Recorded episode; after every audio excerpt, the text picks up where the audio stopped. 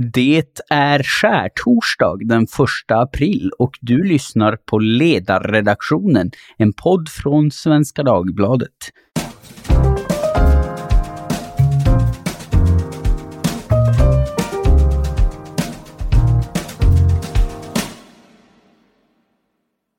Jag heter Jesper Sandström och idag ska vi prata om USA så här i sluttampen av Joe Bidens första kvartal på presidentposten.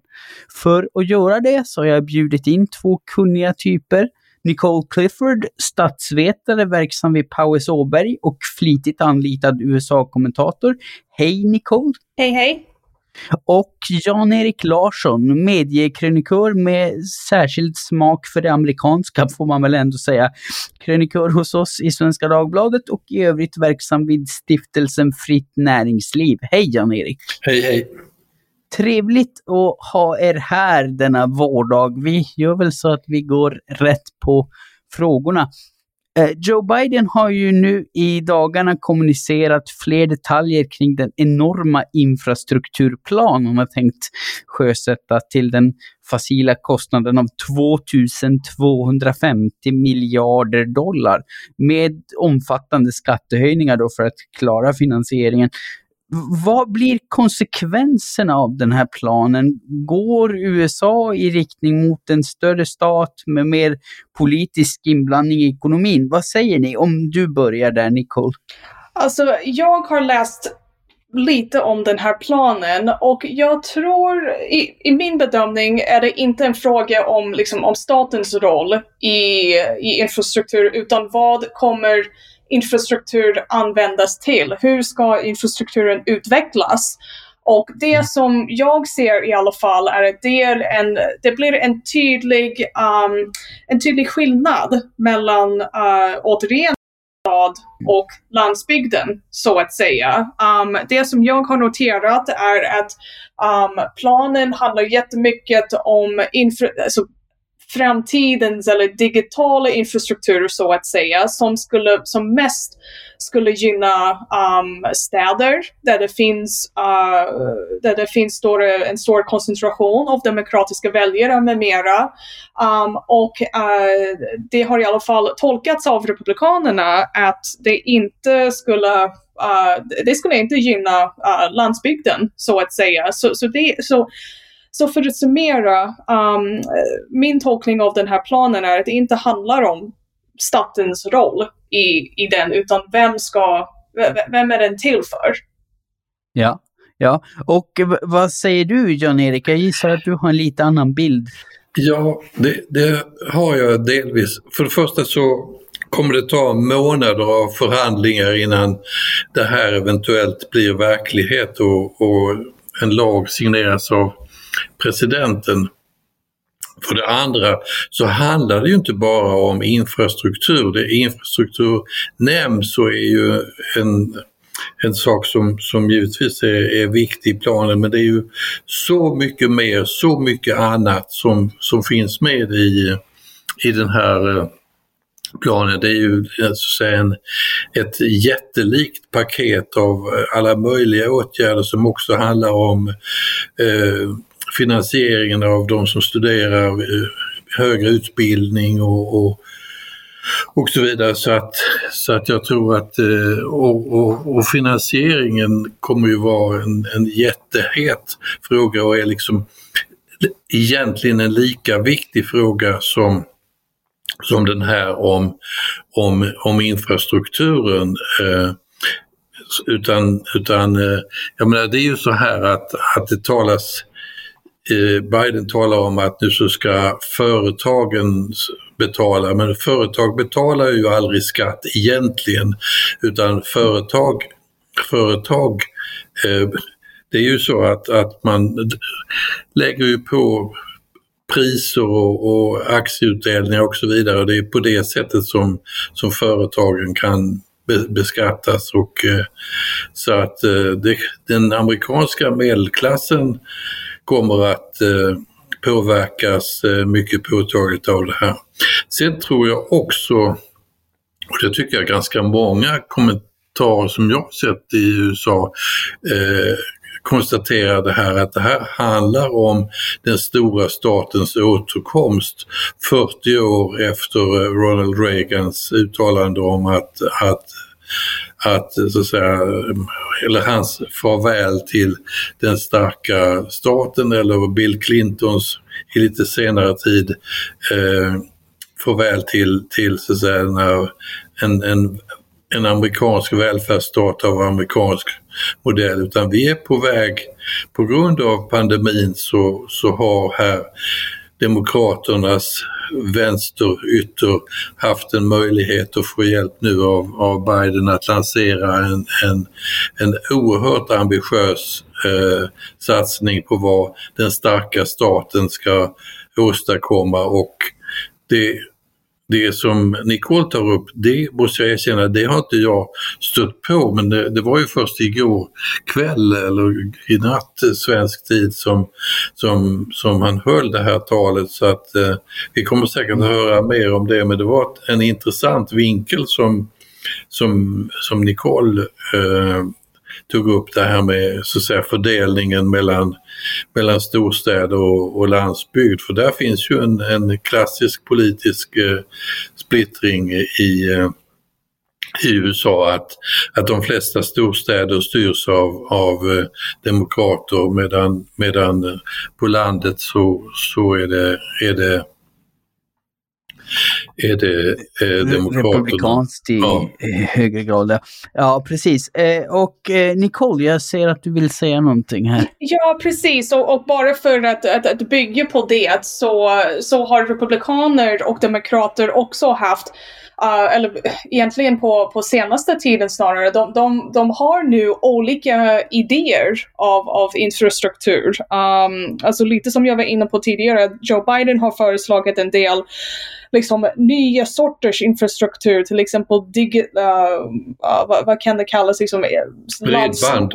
bredband, laddstolpar och, och så vidare. Men republikaner ser fortfarande infrastruktur som, liksom, som motorvägar, broar uh, och så vidare. Saker som, som, som, uh, som kopplar de här traditionella republikanska förorterna till, um, uh, till, till liksom handelsplatser och, och, så vidare. Så, så ja, det är, liksom, det är bara någonting som, som jag ville nämna, någonting som um, eh, att bygga på det här. Och sen Jan Eriks poäng om, eh, liksom, om förhandling, det är också helt rätt. Um, Demokraterna har ju den här razor thin majority i senaten och det kommer, uh, det kommer inte alls vara lätt att um, att övertyga, eller inte övertyga, men det kommer inte alls vara lätt att i alla fall få igenom uh, en, en, en omfattande plan.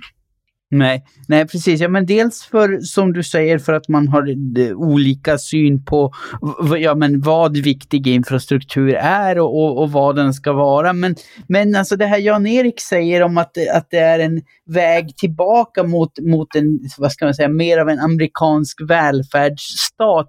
Tror du att det kommer gå att få med republikanerna på det tåget eller kommer de vara kommer de vara motsträviga av just den anledningen? Att de, att de inte vill att samhället ska gå i mer vänsterriktning om man så säger? Alltså jag, på senaste tiden har, har, vi noterat att republikansk politik handlar om att i princip stå emot allt som Demokraterna uh, föreslår. Så, så jag mm. tror faktiskt inte att, um, att Republikanerna behöver en särskild, en särskild anledning till att, uh, till att stå emot uh, någonting som, som Joe Biden eller Demokraterna har föreslagit. Uh, utan, um, uh, utan bara faktumet att det inte kommer från partiet, uh, det kom, inte kommer från Republikanska partiet, um, det, det räcker. Det finns ju en, en, en, annan aspekt som vi inte har berört eh, hittills men som, som, som kan vara värd att nämna i det här sammanhanget. Det finns ju en hel rad ekonomer, även sådana som av tradition eh, räknas som trogna demokrater som Larry Summers, som varnar för att den här våldsamma eh, selpressen som ska finansiera detta kommer att eh, innebära risk för inflation Och mm. det perspektivet eh, fanns ju inte under, under Trump. Trump-regeringen eh, öste ju också på, i en, i en högkonjunktur så öste man på med stora statliga utgifter och då hängde Demokraterna med. Så Demokraterna, och det, var, så att säga, det fanns ett starkt stöd för, för den expansiva politiken under Trump. Mm. Och då hade Republikanerna helt glömt bort sin historia, att man alltid varit skeptisk till eh, framförallt till att, att budgetunderskottet ökar. Och nu är budgetunderskottet i, i USA rekordhögt och eh, nu har eh, Republikanerna åter eh, så att säga tagit fasta på, på det gamla argumentet eh, men eh, men det ekar ju lite ihåligt förstås när man, när man själv har brassat på i ett antal år i den riktningen. att man då yrvaket säger att ja, det här var ju inte så bra.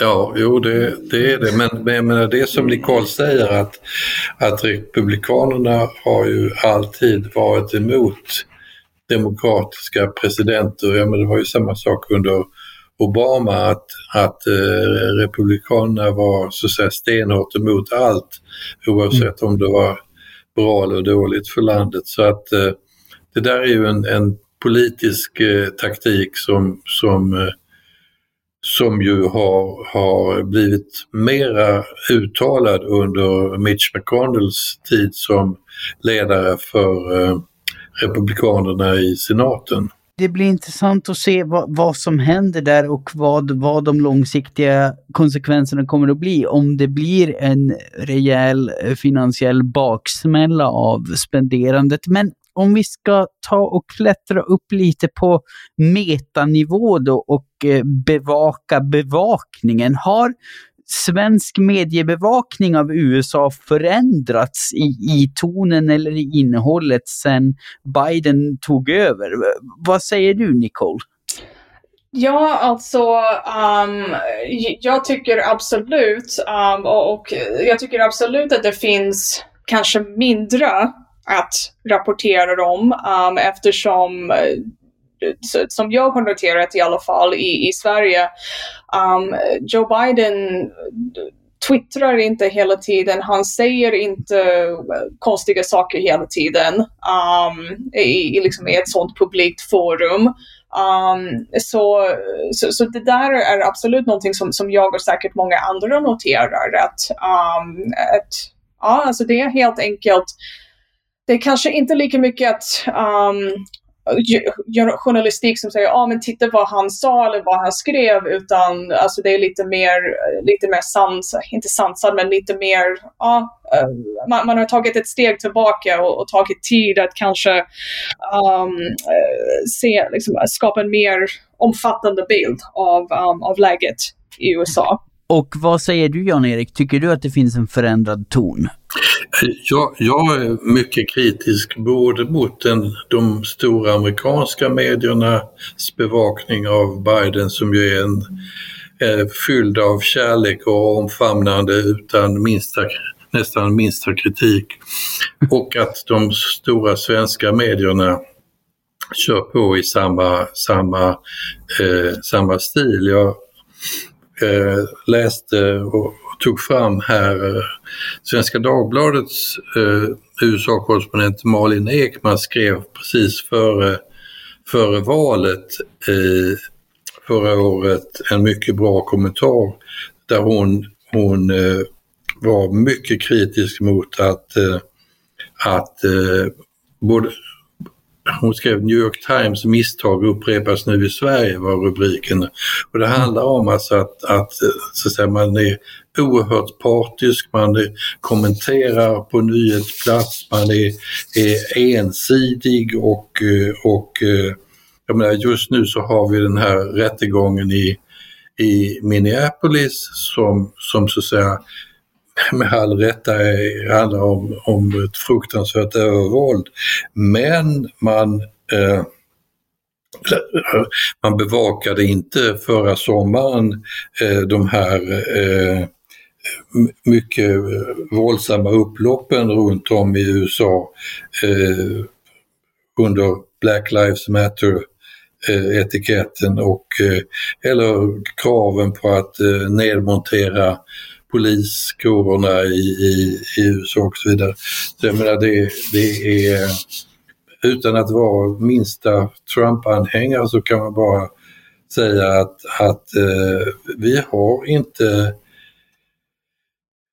vi, vi, vi har inte den, den kritiska eh, behandling av eh, den amerikanska eh, politiken som, eller av den amerikanska samhällsutvecklingen som, som vi, vi, eh, vi skulle behöva utan eh, utan man, man omfamnar eh, sina favoriter och gör det på, på nyhetsplats lika väl som på, i kommentarutrymmen. Och det, det är, jag tycker det är mycket bekymmersamt. Det är nästan outhärdligt till exempel att, att följa CNN nu för tiden.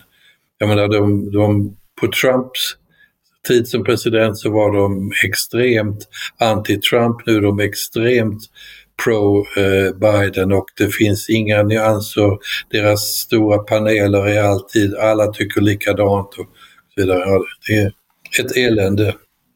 Nicole, har du någonting att invända här? Ja, jag vill bara understryka det som, som Jan-Erik sa om att um, ja, vi, alltså, det, det, det, låter som motsatsen till det jag precis sa om liksom, den omfattande bilden. Jag menade då i liksom, ja, vi, vi ser kanske en, kanske en mer sansad bild av Joe Bidens politik och så, och så vidare. Men, den, men Eh, överallt det, det, politiska, den politiska bilden, den, liksom, den bilden av amerikanskt samhället uh, eh, som vi ser just nu. Jag håller absolut med, att, eh, med Jan-Erik att, att vi inte fick hela den här bilden av till exempel um, av Black Lives Matter. Och jag själv nu för tiden jag följer, um, och ett, ett, ett, ett, annat exempel som, som kan vara relevant här är um, mediebevakningen av de här uh, migrantläger, eller vad vi kan kalla dem, i, uh, alltså vid gränsen just nu. Um, vi såg hur mycket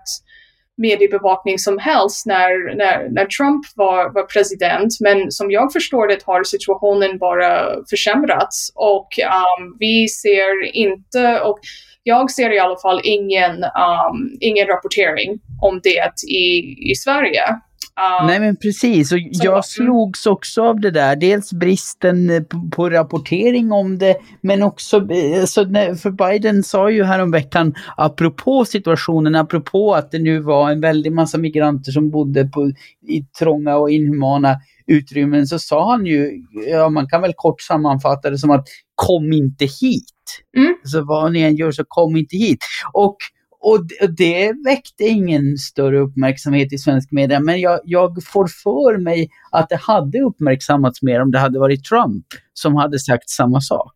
En annan sak som, som jag tycker också förtjänar mycket mer, um, mycket mer uppmärksamhet i, i svensk media. Jag, jag vet att det har varit någon artikel eller så i Dagens Nyheter, men men eh, alltså de här attackerna mot asiater i USA, det är någonting som påverkar mig rätt mycket på en personlig plan. Uh, halva min familj kommer ju från Vietnam och har bott i USA sedan kriget tog slut där. Um, och de har liksom flyktingar och så. Men, eh, så, så det är någonting som påverkar mig rätt personligt. Men jag har själv sett knappt någonting i svensk media om, liksom, om de här attackerna som har pågått i över ett år nu. Uh, jag vet att, att sådana händelser har ägt rum i Sverige um, i en mindre, mycket mindre utsträckning såklart, men givet att så mycket uppmärksamhet gavs mot Black Lives Matter och att, sådan, att de här attackerna är en konsekvens av den politiska retoriken i USA av Trump och, och andra. Um, jag, jag, tycker liksom, alltså trots att det här är någonting, att, att de här attackerna kan påstås uh, av några att eller det, liksom, det ligger rätt i linje med den här bilden att oh, Trump har gjort någonting dåligt, han har orsakat någonting dåligt, så, så har det inte um, fått mycket plats. Nej, nej. Och, och, tror du, har du någon teori om varför det inte har uppmärksammats? Alltså det, alltså det är lite det här med att det kanske inte händer, det, det kanske inte händer i en lika stor utsträckning här i USA, eller i Sverige, som, som det gör i USA. Och um, i USA uh, finns det liksom en, en, längre historia och liksom mer, en mer, mer komplicerad historia av um, liksom asiatiska uh, invandrare och flyktingar och så. Um, men som, som, inte finns här i Sverige, men det är ändå uh, alltså, i ett land som, som bara bevakade den här Black Lives Matter-rörelsen så mycket. Um, varför har, eh, jag bara ställer frågan uh, till mig själv, liksom, varför har de inte um, bevakat den här frågan lika mycket?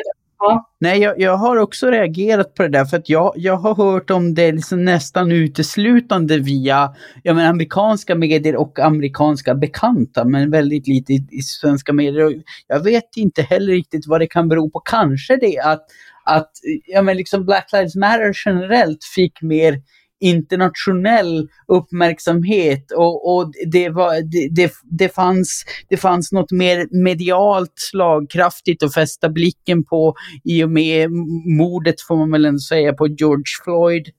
Och, mm. eh, så, så, att det, det, det, kan väl vara en del av förklaringen. Men ja, jag vet inte, men, men om det nu är så att bevakningen har, har skiftat i, i ton och fokus, vilket ni ju tycks vara hyfsat överens om att den har, finns det då några andra händelser utöver det här du just tog upp Nicole, eh, som vi borde prata mer om, som är underbevakade? Liksom. Finns det aspekter av Bidens politik som kan komma att ha stor påverkan på Sverige, Europa eller övriga delar av världen, men, men som svenska mediekonsumenter går miste om? Va, vad säger du om det, Jan-Erik? Alltså USA är ett jätteland. Det är 50 stater i praktiken med snart 350 miljoner invånare. Så det är klart att, att det finns alltid enormt mycket. Det, det är många olika länder. Jag tror, får kanske kortsluta den diskussionen lite, så jag tror att det finns en trötthet vid USA efter de här fyra åren då, då Trump var i svenska nyheter och även i svenska medier i stort sett, inte bara i amerikanska medier utan även i svenska medier i stort sett varje dag. Så jag tror att det kan finnas en, en trötthet och jag tror att, att Bidens sätt att uh, hantera presidentrollen. Det var först häromdagen som han höll sin, sin första presskonferens som då var en presskonferens där det egentligen inte ställdes några svåra eller elaka frågor. Det var ingenting liknande det jippo som det alltid var kring kring Trumps presskonferenser. Och, och det har ju gjort det att, att, så att, säga, att fokus har glivit från, från USA och eh, Ja, i det sammanhanget ska man förresten konstatera också att de här amerikanska medierna som ju är kommersiella, de lider ju nu på grund av att Trump har försvunnit. Trump sa det flera gånger under sina år som president att om jag inte blir omvald så kommer medierna att, eh, att förlora massor med pengar och det gör de just nu.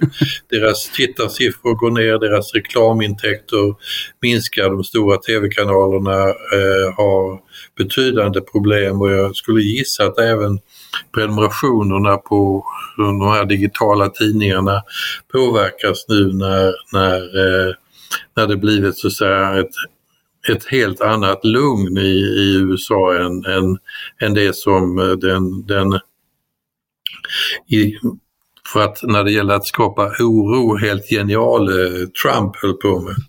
Ja, jo, han, han var ju bra på att skapa rubriker, annat kan man ju inte säga. Men, men vad, vad säger du om den saken, Nicole? Finns det eh, någonting, någonting som just nu händer i USA som vi borde prata mer om i Sverige? Eller är vi trött, utmattade helt enkelt efter de här åren med Trump?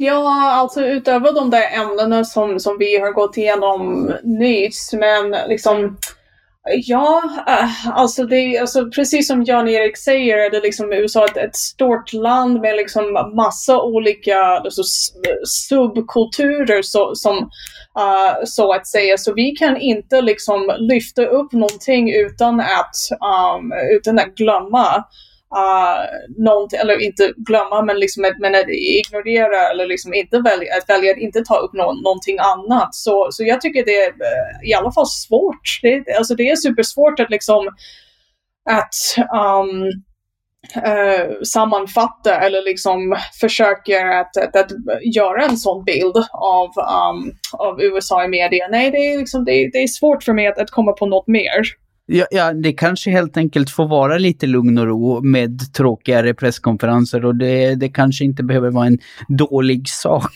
nödvändigtvis. Eh, det var, eh, det var ju ändå så att Trump ofta nämndes oftare än vår egen statsminister i svenska medier så det, det är väl inte helt fel att få en liten paus kanske. Ett ämne som, som jag inte har läst någonting om det är de stora problemen som delstaten Kalifornien har. Det är en av världens största ekonomier men man har mycket betydande, mycket betydande problem. Man har en ganska rejäl utflyttning från, från eh, Kalifornien och eh, det finns stridigheter inom Kalifornien mellan norr och söder och sådär det, det, jag tycker det är konstigt att så mycket fortfarande är eh, fokuserat på, på Washington och New York. Eh, resten av landet är på något sätt, eh, så det är inte bara mellanvästern som lite är i skugga utan även, även västkusten är lite i medieskugga. Jag, om jag hade haft någonting att säga till den så skulle jag nog flytta någon USA-korre från New York, Washington och till eh, Los Angeles eller San Francisco eller Sacramento kanske? Ja, eller Sacramento, ja, ja precis. Ja, de håller på med att um, det finns ju en kampanj. Det är bra påpekat Jan-Erik, det finns ju en kampanj just nu som, um, som vill att uh, guvernören Gavin Newsom ska recall, uh, det vill säga att, att uh, avsättas. avsättas. Precis. Uh, ja, någon, ja, det är absolut någonting som min familj i alla fall är engagerad, har engagerat sig i så att säga. Ja. Jo, men det, det där är väl en sak att, att påminna om kanske också, att, att, USA är ju med alla sina delstater nästan som alltså många små länder och det blir just därför svårt att skapa en Alltså många, många amerikanska delstater har större ekonomier än många EU-länder.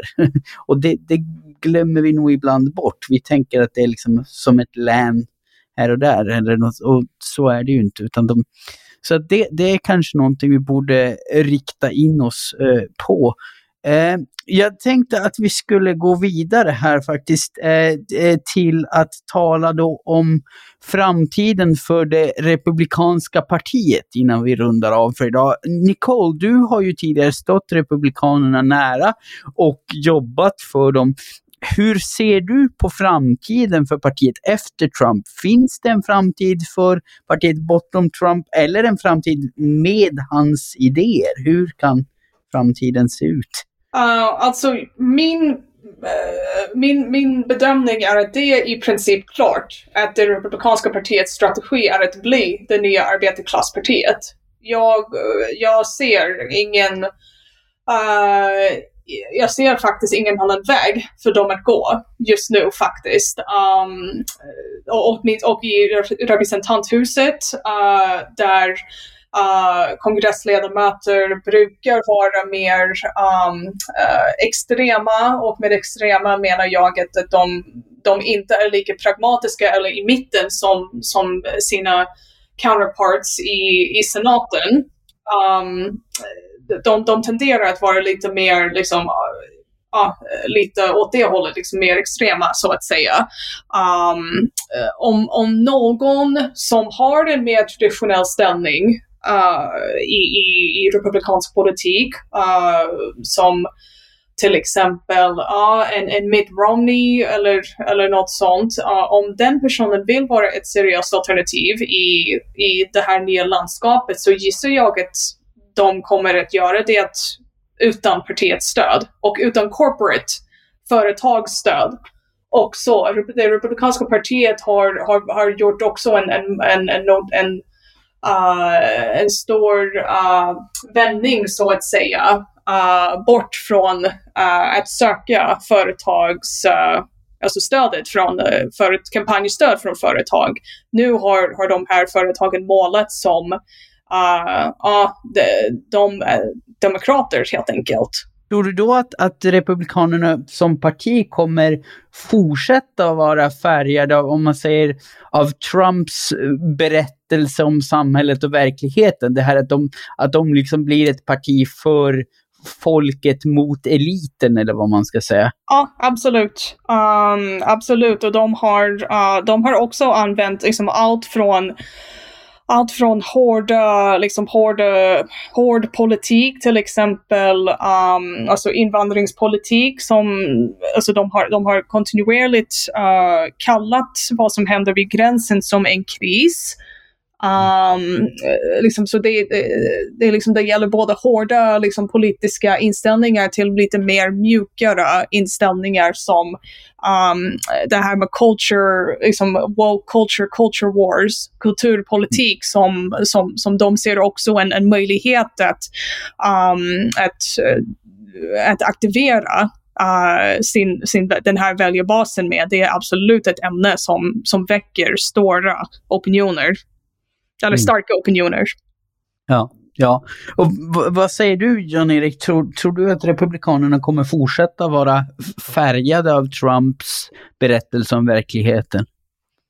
Ja, jag tror, jag har, jag har inte den närhet som Nicole har till Republikanerna så att jag känner mig lite mer osäker. Jag, jag jag tror att, att det kan hända saker i, i det republikanska partiet här framöver. Jag menar, just nu så spekulerar ju alla, ska eh, Trump sätta in eh, en kraftinsats i mellanårsvalet i november nästa år eller ska han vänta och kandidera till, till president eh, 2024 eller ska han starta ett företag eller ja.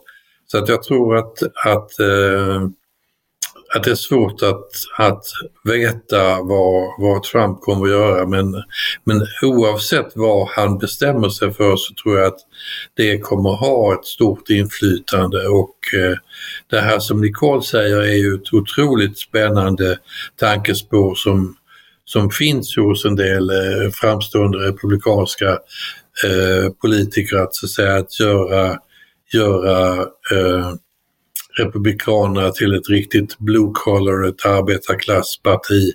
Det, det, eh, det finns den rörelsen men den, den är ju inte, den är inte dominerande. Jag tror, jag tror att juryn är ute och kommer att vara ute ett bra tag när det gäller vad som händer med med Republikanerna framöver. Det ska bli mycket spännande att följa. Amerikansk politik är ju alltid underhållande att följa eftersom det är valrörelse ständigt varje dag valrörelse i USA eftersom de har val vartannat år. Så, så ja.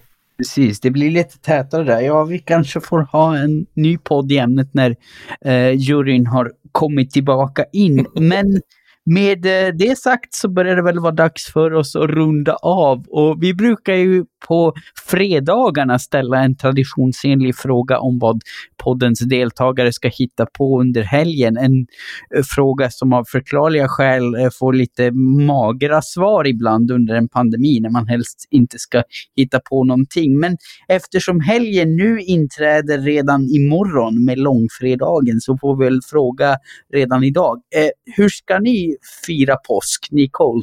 Uh, inte, jag har ingen, inte på något speciellt sätt. Min, min, min man och jag håller på att flytta så vi ska, um, så vi ska nog eh, förbereda, förbereda det. Um, så så det, det är det som i alla fall i, i mitt huvud står, står, på, legenda, står på agendan. Ja, jag förstår. Och Jan-Erik, hur ser det Ja, nej, men det är ju som du säger att man ska ju inte umgås med, med några så att min fru och jag kommer åka ut till, eh, till sommarhuset vid Mälaren utanför, utanför Strängnäs. Så att eh, det, det blir en stillsam, stillsam eh, påskfirande också det här året. Ja, ja, och det är väl för all del menat att vara en stillsam högtid, så det kan väl vara passande. Vi ska, vi ska göra detsamma här hemma, hålla oss isolerade så gott det går och förhoppningsvis njuta av lite vårsol. Eh, Ja, men då får jag säga stort tack till er båda för att ni ville vara med, Nicole Clifford och Jan-Erik Larsson. Tack också till alla lyssnare.